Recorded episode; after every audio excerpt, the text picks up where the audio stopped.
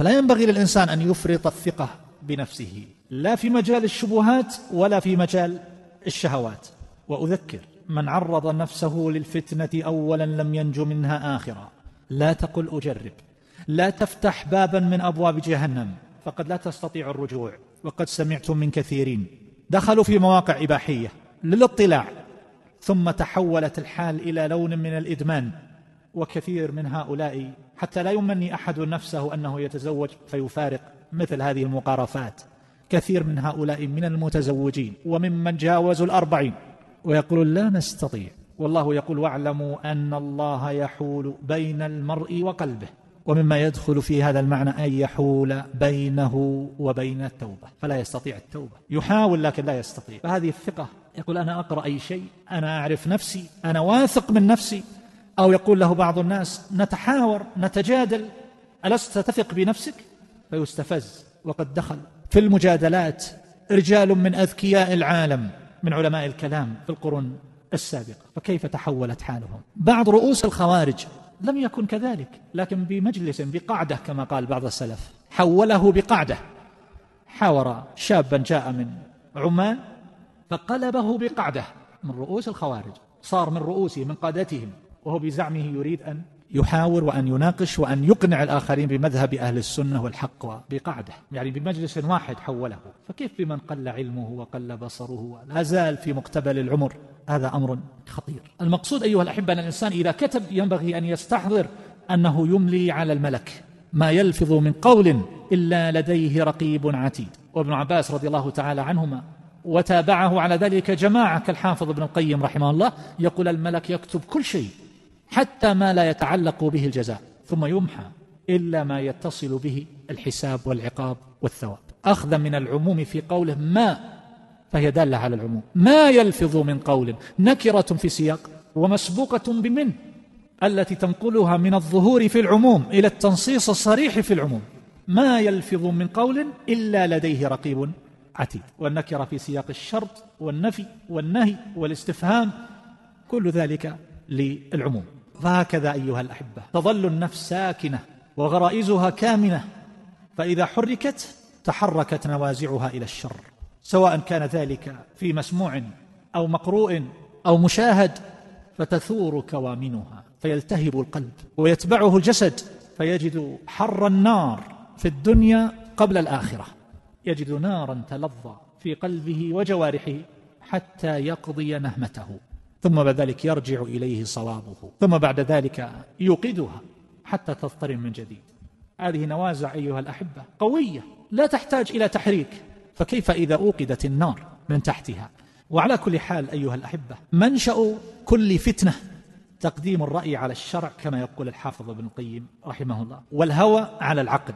فتقديم الرأي على الشرع هو فتنة الشبهة. وتقديم الهوى على العقل هو أصل فتنة الشهوة. لو أن الإنسان سلم للنصوص ولم يعرض قلبه للشبهات فإنه يسلم. وأما إذا قال أنا أرى وبدأ يتكلم بهذه الطريقة فإن ذلك هو الباب. وإذا جعل ذلك أصلا كما يقوله بعضهم لبعض من يحاولون إضلاله لا تسلم عقلك للآخرين. لك عقل. لا تعيره لهؤلاء يقصد الشيوخ. فيثبطه عن حضور مجالس العلم. ويقول إن عقلك هو الذي ينبغي أن تحكمه. في كل شيء. يعني أن يحكم في نصوص القرآن وفي نصوص السنة. وما هذا العقل وما مقداره؟ وما حال أولئك الذين حكموا العقول من كبار النظار؟ حيث اختلفوا. وصار الواحد يكفر صاحبه. والأب يكفر ابنه. نسأل الله العافية. والعكس. واقرأوا في تراجم هؤلاء من المعتزلة وغيرهم.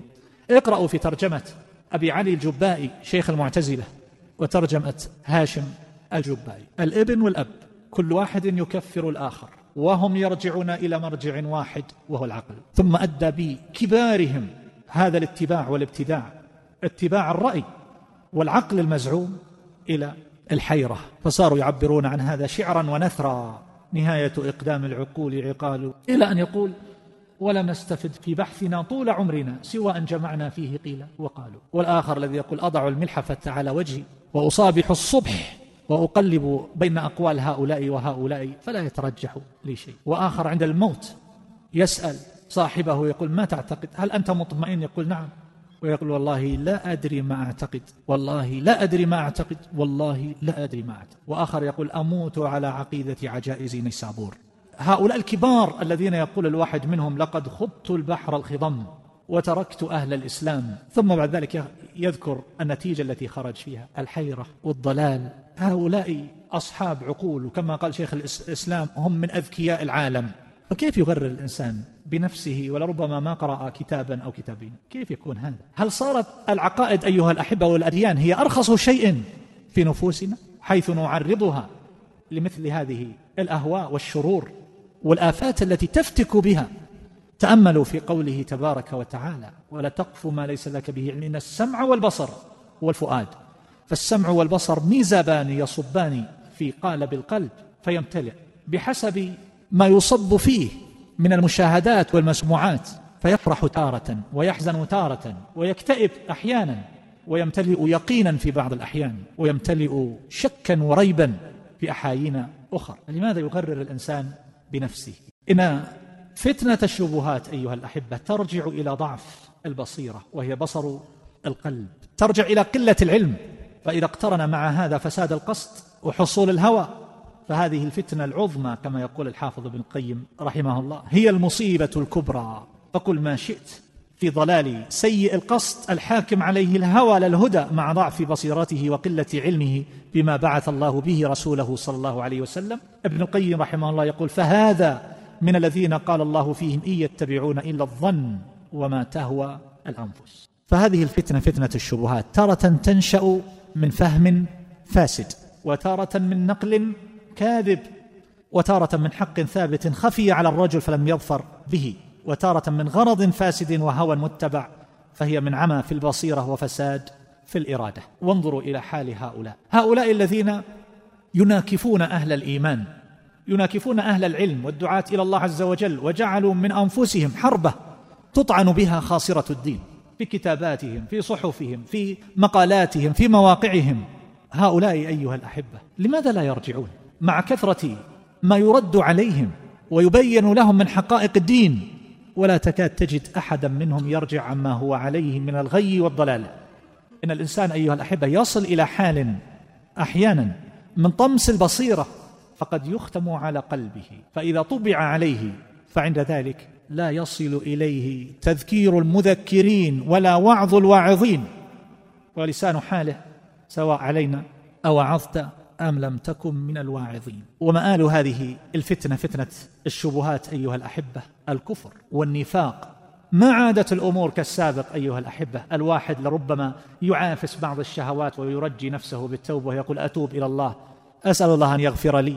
ولربما إذا جاء رمضان تأثر وأناب وظهر عليه بوادر الإقبال والعبادة ورق قلبه ولان الآن أصبحت تعرض على الناس أيها الأحبة فتن شبهات تجتالهم من دينهم أصلا في أمور يقرأها أو يسمعها أو يجالس أصحابها فيعلق ذلك بقلبه. هذه فتنة المنافقين كما قال الحافظ ابن القيم رحمه الله. فتنة أهل البدع والأهواء على حسب مراتب بدعهم وأهوائهم. والبصر في هذا الباب أيها الأحبة يتطلب أمورا عدة. يحتاج إلى علم راسخ ويحتاج إلى عقل راجح ويحتاج إلى دين متين ويحتاج إلى معرفة الأمور على حقائقها على ما هي به. فعند ذلك إذا تكلم الإنسان وأبدى رأيا في الأمور الواقعة فإنه يرجى له أن يتكلم بطريقة مرضية وأن يصل إلى الرشد. وأن يكون مسددا وإن أخطأ فهو معذور من استجمع هذه الأوصاف. قد يكون الإنسان أيها الأحبة من أوعية العلم ولكن لا عقل له والعقل غير الذكاء والعقل غير العلم. فقد يكون من أوعية العلم ولكنه أهوج. مثل هذا لا يصلح أن يتكلم في هذه القضايا ولا أن يتخذه الناس مرجعا ولا مشيرا لأنه لا يوصلهم إلى صواب.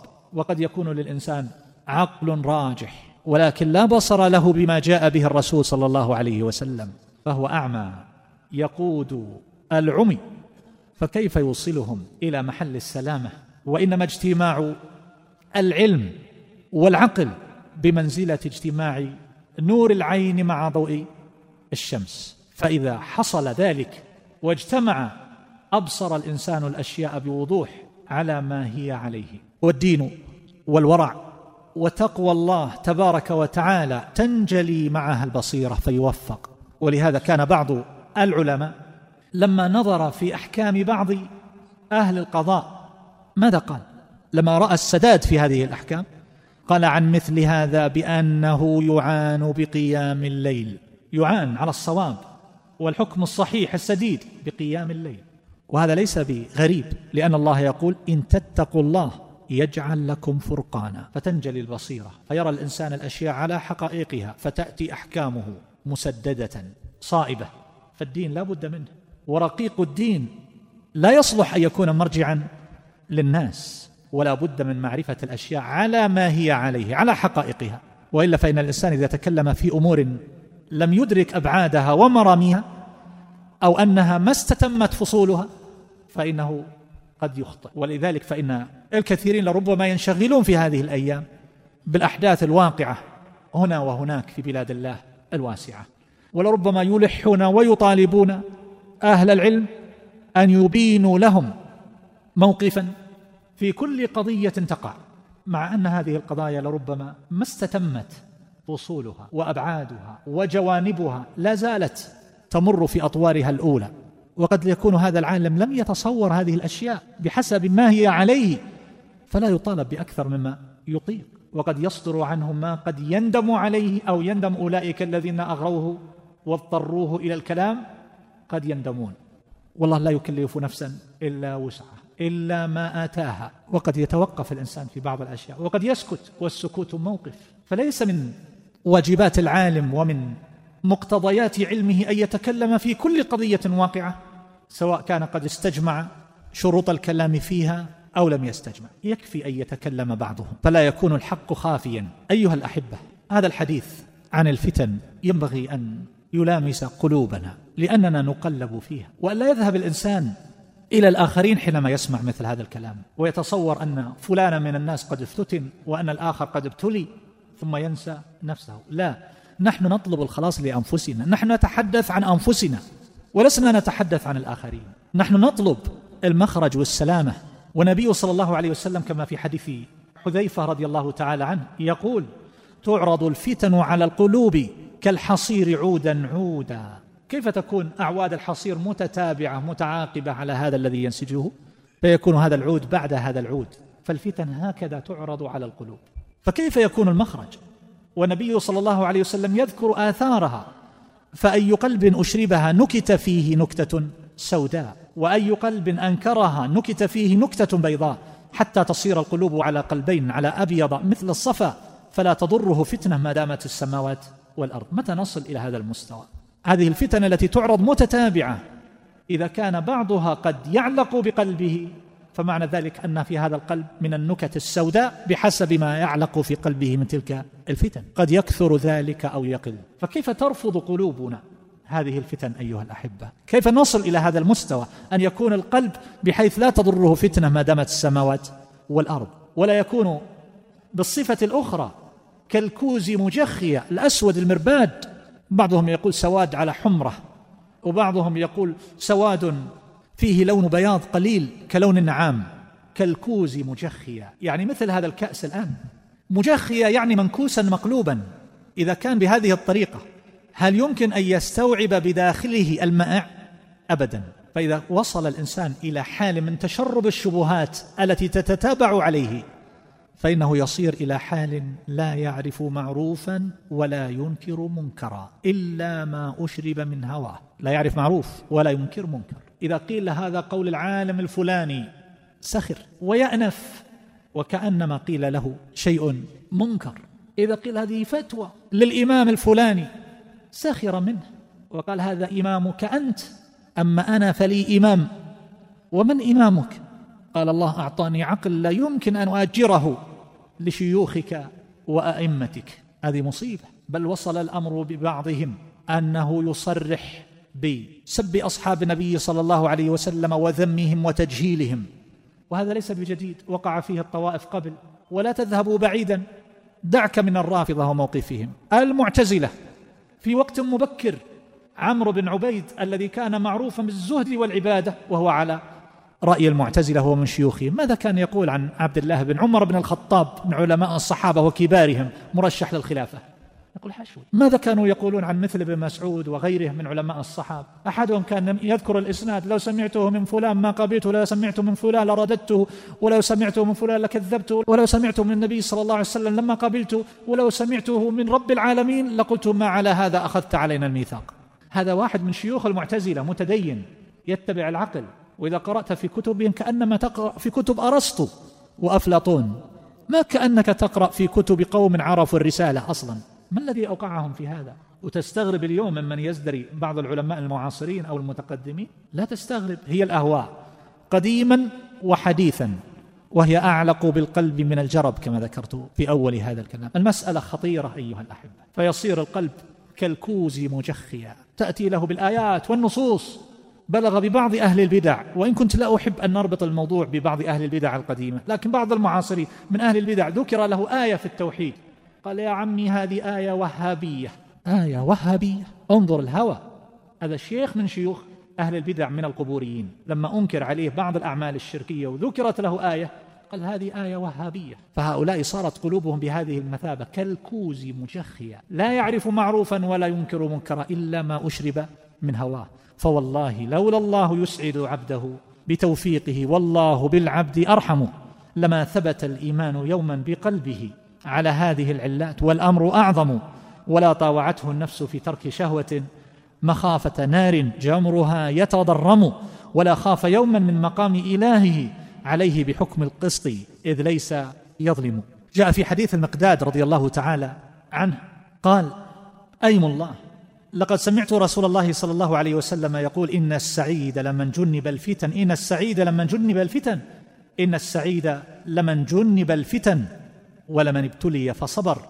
فواها. السعيد لمن جنب الفتن يرددها النبي صلى الله عليه وسلم. كيف نجنب الفتن فتن الشبهات وفتن الشهوات أيها الأحبة. إذا كان جريج الراهب وكلكم تعرفون الحديث لما دعت عليه أمه ألا يموت حتى يرى وجوه المميسات وحصل له ما حصل. طيب الذي يقلب بصره في المواقع الإباحية؟ كيف تكون حاله؟ وكيف يكون قلبه؟